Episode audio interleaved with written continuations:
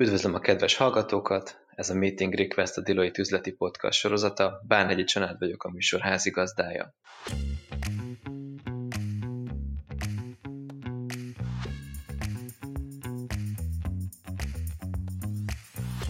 A mai adásunkban arra gondoltunk, hogy adunk egy kis betekintést a kulisszák mögé, és arról fogunk beszélgetni, hogy mi házon belül egészen pontosan a könyvvizsgálati üzleteunkon dolgozó kollégák hogyan élték meg a koronavírus kapcsán kialakult helyzetet, az otthoni munkavégzésre való átállást, illetve a veszélyhelyzet kihirdetése milyen változásokat hozott és milyen kihívásokat okozott számukra. Ennek megfelelően a mai beszélgető társam lesz Józan Bálint, a Deloitte könyvvizsgálati üzletágának igazgatója, illetve Madarász András, a Deloitte Senior könyvvizsgálója. Sziasztok! Sziasztok! Sziasztok! Kezdjük talán azzal, hogy sokaknak a könyvvizsgálattal kapcsolatosan elsősorban talán a személyes, irodai jelenlét, az ügyfelekkel való közvetlen kapcsolattartás jut eszébe. Egyáltalán ez mennyire igaz Bálint, és, és ennek megfelelően az átállás az mennyire volt esetleg kihívásokkal teli? Hát igen, ez egy, ez egy valós kép a könyvvizsgálóról, és azért az időnknek a jelentős része az valóban úgy zajlott, hogy ügyfeleknél vagyunk, ott, ott interjúkat készítünk, megértjük az ügyfeleink működését.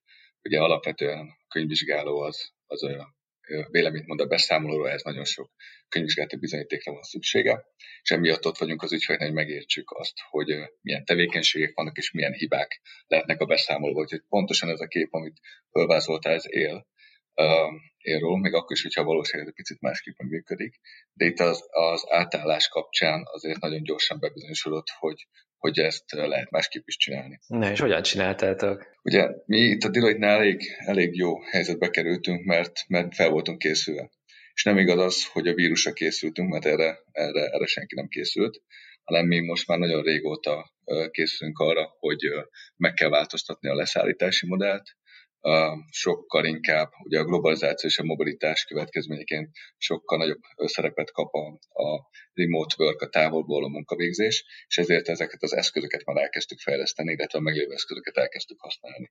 Itt azt, ez mögött azt kell érteni, hogy használunk olyan felületeket, csatornákat, ahol, ahol az ügyfelek fel tudják tölteni az anyagokat előzetesen.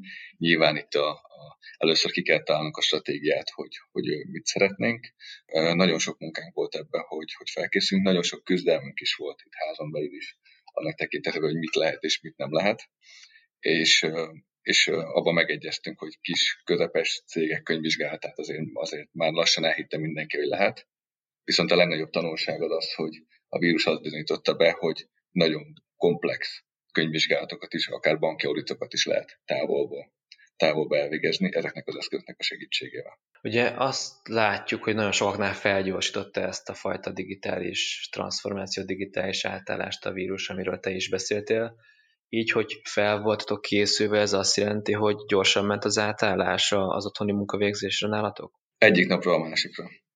Tehát amikor az történt, hogy, hogy megszületett a döntés, hogy mostantól nem ajánlott az irodából dolgozni, és mindenki lehetősége szerint otthonról dolgozzon. Innentől számítva az első napi munkáink is gyakorlatilag flottul működtek. Nincs, nem volt egy olyan esetünk se, ahol, ahol a extrém módon elcsúsztunk volna, vagy ahol, vagy ahol volt átszervezés, azt előzetesen egyeztettük az ügyfelekkel, vagy az ügyfelek kérésére szerveztük át, mert esetleg ők nem voltak felkészülve és bárkivel beszélgetünk, a csapatokban nagyon sok, nagyon sok megbeszélést tartunk, és mindenhonnan ez a visszajelzés érkezik, akár a banki auditoknál, akár az SSC auditoknál, akár a, akár a, a termelő vagy a szolgáltató szektorban, az ügyfelek felkészültek voltak. Igen, egyébként szeretnék ehhez becsatlakozni, és Bálintal teljesen egyetértek. Valóban egyik napról a másikra kellett átállnunk, és én azt gondolom, hogy ezt a kihívást tök jól megugrottuk, mert mert valóban azok a csatornák, amiket kialakítottunk, azok működtek, és már korábban bevezettük, így úgymond az ügyfelekkel együtt tudtunk működni, meg tudták azt, hogy mi az, amit mi használunk, mi az az online platform, és hogy hogyan is kérjük be. Az átállás ilyen szempontból tényleg egyszerűbb volt, és gyorsabb is. Akkor megértve azt, hogy volt egy ilyen viszonylag olajozott vagy jól előkészített átállás, mi az, ami mégis talán a legnehezebb, vagy a legnagyobb kihívás a szakmai oldalról, most az otthonról való munkavégzésben nálatok? Nyilvánvalóan a másik oldal, az ügyfelek is ugyanebbe a helyzetbe kerültek és otthonról dolgoznak, ezért, és nekünk nem, a, nem csak a könyvelővel, vagy a főkönyvelővel, vagy a pénzügyi igazgatóval kell tartanunk a kapcsolatot, hanem, hanem a szakmámból kifőleg a vezetés minden tagjával, minden tagjával kell interjúkat szerveznünk, nagyon sok egyeztetése, nagyon sok megbeszélése van szükség, azokban azért van, van kihívás, azt gondolom, de, de úgy látom, hogy ez az ügyfeleink többsége is átállt. Én azt gondolom, hogy ez egy úgymond nyugati trend alapon jött, tehát a home office, illetve ennek az intézménye, hogy otthonról dolgozzunk, ez egyre menőbb lett szerintem az elmúlt egy-két évben, és erre állt rá ugye az ügyféloldal, illetve mi is alapvetően követtük ezt a tendenciát, úgyhogy egy ilyen kettős elfogadottság volt szerintem arra azzal kapcsolatban, hogy akkor otthonról kell mostantól végezni a munkánkat, ugye a korlátozások miatt is ez mind hozzá segített szerintem ahhoz, hogy mi is gyorsabban át tudtunk állni, illetve hogy a munkát is hatékonyan csináljuk. Illetve itt van egy nagyon fontos dolog, a, tehát ugye a szakmai oldalt kérdezte Csanád, az vírusos helyzetből kifőleg, hogy itt, itt most van egy, van egy válság, van egy krízis helyzet. Ez a jelentős többletet ró a könyvvizsgálóra. Tehát itt felmerülnek olyan kérdések, hogy amikor azok a cégek, akiket vizsgálunk, az ő gazdasági teljesítményükre milyen hatással van meg a megrendelőik fizetnek-e időbe, a beszállítóik tudják-e szállítani nekik az árut. Tehát magyarul minden biztosítva van hogy tudják-e folytatni a vállalkozás folytatás. Vállalkozás folytatásának ebben az érvényese, és tudják ezt biztosítani. Szóval, szóval itt, itt nekünk olyan eljárásokat kell elvégeznünk, amiket, amiket korábban nem, nem kellett, vagy, vagy nem ennyire nem ennyire minőségeiben, mint most sokkal specifikusabban a vírus téma köré, vagy vírus kapcsán kell feltennünk kérdéseket, eljárásokat, elemzéseket elvégeznünk, és ez egy plusz, plusz teher mind az ügyfeleknek, mind, mind magunk számára kitalálni azt, hogy mi a, mi a neki megfelelő bizonyosságot arra vonatkozóan, hogy ezek az elvárások, ezek, a, ezek teljesüljenek, és, a, és lássuk azt, hogy a vállalkozás tudja, az adott társaság tudja folytatni a tevékenységét a jövőben is. Tehát akkor mondhatjuk, hogy a könyvvizsgálat abba táborba tartozik, ahol még több, ha jól értem a szavaidból, akkor jóval több lett a munka ebben az időszakban, mint, mint korábban volt. Ez így van. A könyvvizsgálat ez, ez, ez egy kockázat alapú munka, az kockázatokat mérünk fel, kockázatokat mérlegelünk, és egy ilyen helyzet hasonlóan a 2008-2009-es válsághoz, ez megemeli a kockázati szintet. Tehát itt még több kockázat van, hogy mi a könyvvizsgálat kockázata, hogy marad-e materiális hiba a beszámolóban most sem. Itt ugye lehet egy olyan szituáció, hogy december 31-i, 2019. december 31-i számok alapján szép képet mutat a, a, a társág és, és biztosított a működés, ugyanakkor az első negyedéves teljesítmény alapján elfogytak a bérlők, elfogytak a vevők, elfogytak a megrendelők, függően attól, hogy milyen cégről vagy milyen szektorról beszélünk, és adott esetben egy, egy likviditási probléma merül fel, és lehet, hogy nem tudja működni a tevékenységét. Itt akkor a könyvvizsgálónak ezt már, itt már további eljárásokat kell végezni, és valamilyen módon ezt jeleznie kell. Vagy a társágnak a beszámolóban, vagy a könyvvizsgálónak a jelentésében, hogy ha itt, ha itt bizonytalanságok állnak fent. Szóval igen, válaszolom a kérdés, hogy ez többlet, többlet terhet és többlet munkát jelent a, a könyvvizsgálói szakmára nézve. Akkor mondhatjuk azt, hogy ezt lehet így fogalmazni, hogy a könyvvizsgálat egy válságálló szakma, hogy könyvvizsgálati munka az mindig lesz, vagy mindig van? Azt gondolom, hogy igen. Tehát a, a, a, nyilván lehetnek nagyon szélsőséges esetek, de alapvetően a, a mi szakmánk az, amelyik ilyen, ilyen helyzetben is többlet munkát kell végeznünk, nekünk, nekünk ez, ez munkát jelent, lesz, lesz, lesz feladatunk bőven. Az, hogy hogy változnak meg dolgok, a, az eddigi, amit eddig tapasztalt rendek alapján a mobilizáció, illetve a digitalizáció miatt, azban nagyon sok kérdés merül fel, hogy új technológiák jönnek, de az, hogy egy válság miatt ne lenne könyvvizsgálat, az, az nem igaz, pont az ellenkezője az igaz, az minél több kockázatot vett föl, minél még jobban megnő a könyvvizsgáló szerepe. Hát kicsit, kicsit akkor kihalva a sorok közül az előbb, hogy többször is mondtad, hogy igen, a szakmai oldalra kérdeztem rá, de természetesen érdekel a közösségi oldal is, ugye azt, azt, azt tudom, hát egyrészt a Deloitte-ről is, de aztán rólatok meg, meg pláne, hogy próbáltok azért rendszeresen csapatépítőket, csapatösszetartókat szervezni. Most ugye erre is látni, hallani sok példát, hogy, hogy hogyan oldották ezt meg különböző cégeknél, különböző iparágokban, akár online, akár különböző chat programokon keresztül. Ti hogyan oldottátok meg nálatok? Milyen csapatépítők voltak már? Mik azok, amik jól működtek? Hát én itt egy-két gondolatot fűznek hozzá, de azt gondolom, hogy itt az Andris lesz az, aki ennek a területnek a témának a szakértő, és majd, majd erre még tud válaszolni. Magam részéről annyit, hogy igen, ez, ez, egy, ez egy valós, valós probléma. A, azt gondolom az egyik legnagyobb kihívás az, az, az ez, hogy, hogy itt mi csapatokban dolgozunk, és nagyon erős csapat, csapatot képzünk, és, és együtt sok mindent csináltunk végig, akár, akár a, a munkánk területen, akár a szabadős tevékenységben, és ez hiányzik, hiányzik az embereknek, ne, nehezen viselik a, a bezártságot, szeretnének már, már visszatérni. Én a beszélgetéseimben az ilyen hasonló online, Skype-os, vagy, vagy, vagy akár egyéb csatornákon történő beszélgetésekben ezt tapasztalom, ezt látom, hogy ez ami legjobban hiányzik, és ez visel meg legjobban az embereket, és azért kitaláltunk egy-két megoldást, ami valamennyire valamennyire közelít, de azért, azért én azt, arra számítok, hogy nagyon várják a visszatérést. De nem tudom, Andris, hogy te másképp látod, hogy mi a véleményed. Nem, én csak arra szerettem volna reagálni, hogy valóban, tehát nálunk is a csapatépítők azok, amik, amik egy mindig várt esemény, akár a csapat feléről, vagy akár csak egy kisebb csoportról beszélünk. Több alkalommal szerveztem már csapatépítőt így a csoporton belül, és mindig jó volt a visszhang, meg örültek a kollégák, hogy van lehetőség ilyenre. Viszont most azért azt látni kell, hogy januártól májusig így a könyvvizsgálati szezonban alapvetően sem a csapatépítőkön van a hangsúly, ilyenkor ugye a munkát veszük előtérbe, de ahogy Bálint is mondta, nagy szükség van arra, hogy a csapategységet megtartsuk és fejlesszük is. Jóval nehezebb most, a mostani időszakban ezt megoldani. Én személy szerint ugyanebben a formában, ahogy a válság időszaka előtt csináltuk, ezt nem tudtam pótolni, főleg az egyéb korlátozások miatt is.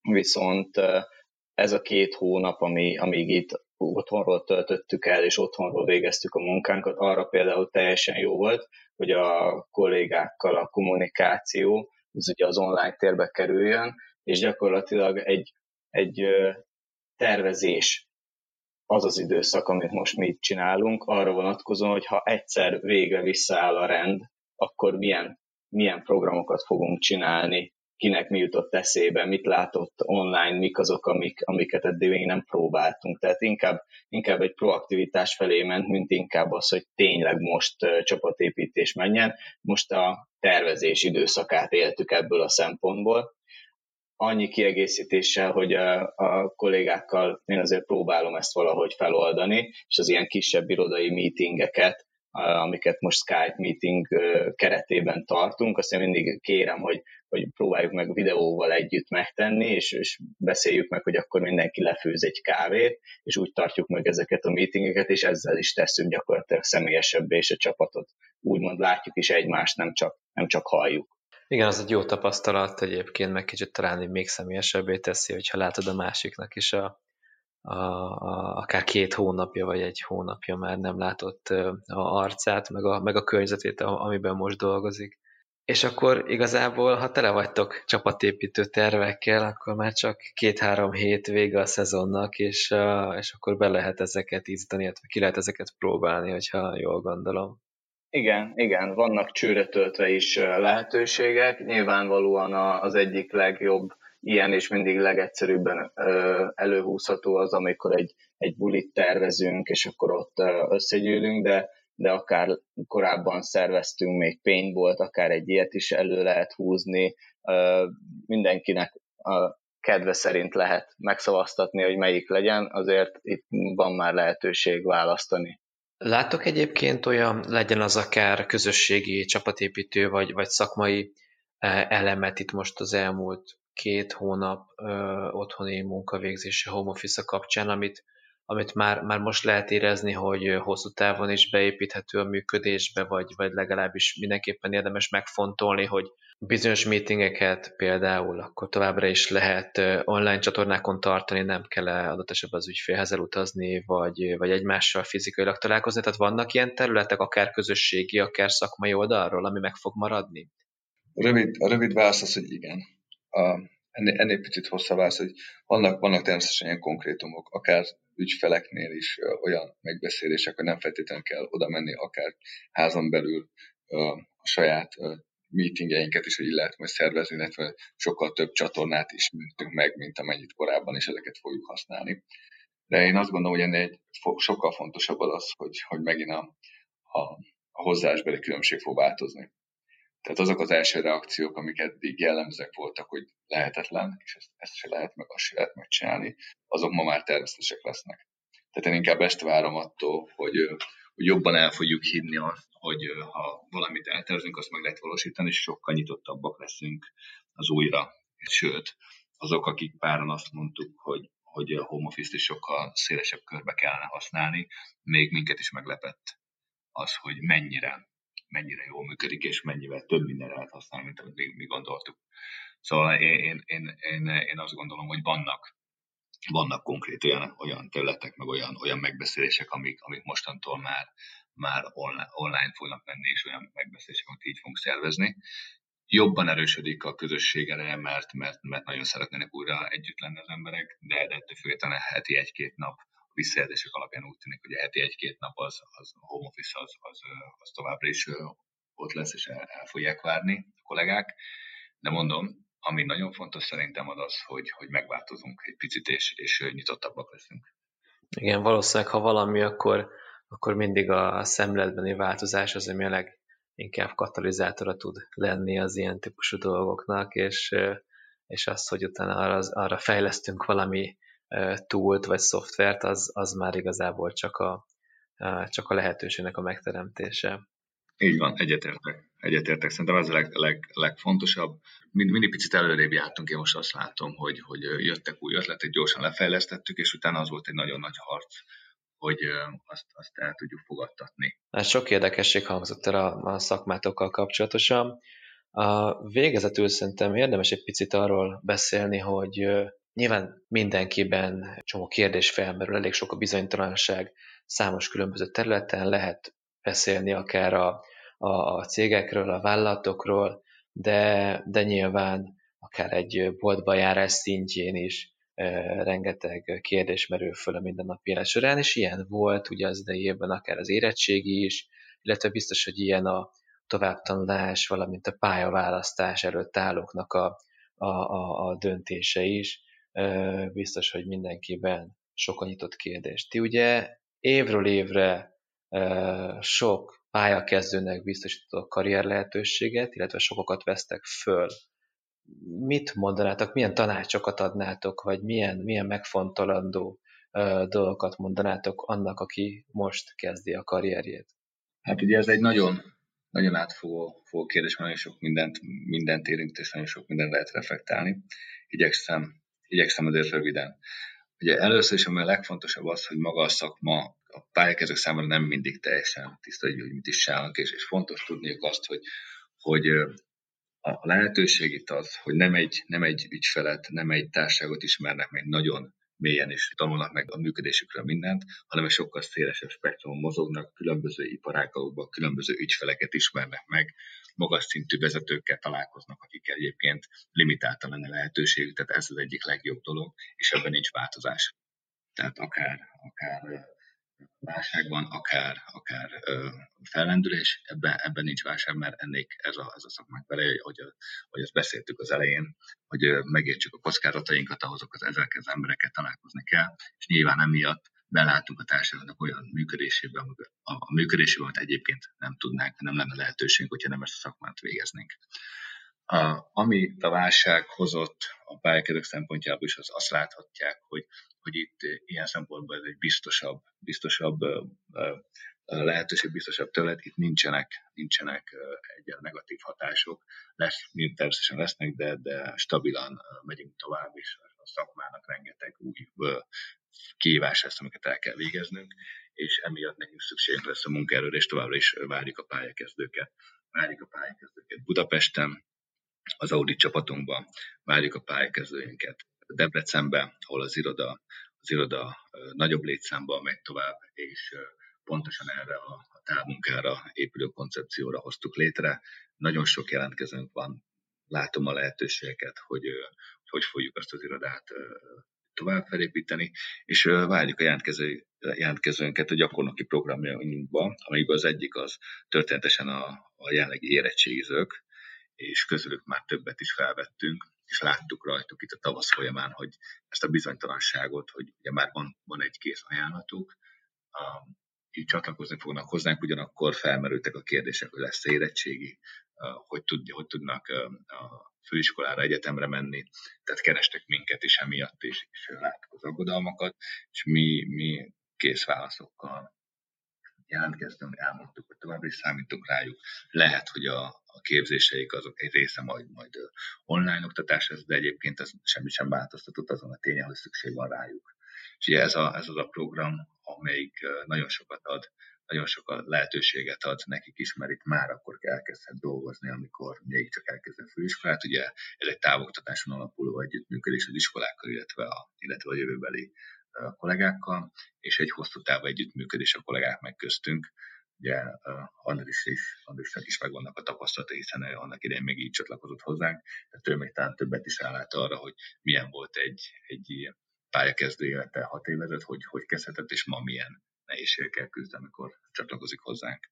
Igen, én, én is ennek a középiskolai programnak a keretében kerültem a Deloitte-hoz, ugye akkor még nem online platformon keresztül jelentkeztünk, ennyi könnyebbségem volt, hogy úgymond személyesen is találkozhattam a jövőbeni főnökömmel. Nyilván aki most jelentkezik egy idő után ezt is megtapasztalja, hogyha ha túl leszünk ezen az időszakon, de én azt érzem, hogy egy nagyon jó döntés volt, és egy nagyon jó lehetőséget nyitottam magamnak azzal, hogy, hogy jelentkeztem, meghallgattam, hogy miből is áll ez a program, és azóta is profitálok belőle, ez volt hat évvel ezelőtt, úgyhogy én, én is bátorítok egyébként mindenkit, aki gondolkodott rajta a pénzügyi területen valamennyire járatos, hogy legalább hallgassa meg, jöjjön el, és, és utána, utána tud mérlegelni. Én, én csak jókat tudok mondani. Hát azt gondolom, azért tökéletes végszó volt, és tényleg újra a naptára nézve én nagyon remélem, hogy, hogy néhány hét múlva már ti is találkozhattok egymással, találkozhatok a csapataitokkal, és egy kicsit már nem csak digitálisan, hanem személyesen is lehet egymást köszönteni, és el lehet tölteni a szezon után egy-két kellemes estét, esetleg teraszokon egymással. Köszönöm szépen a részvételteket Bálintnak és Andrásnak, és a kedves hallgatóknak pedig a figyelmet.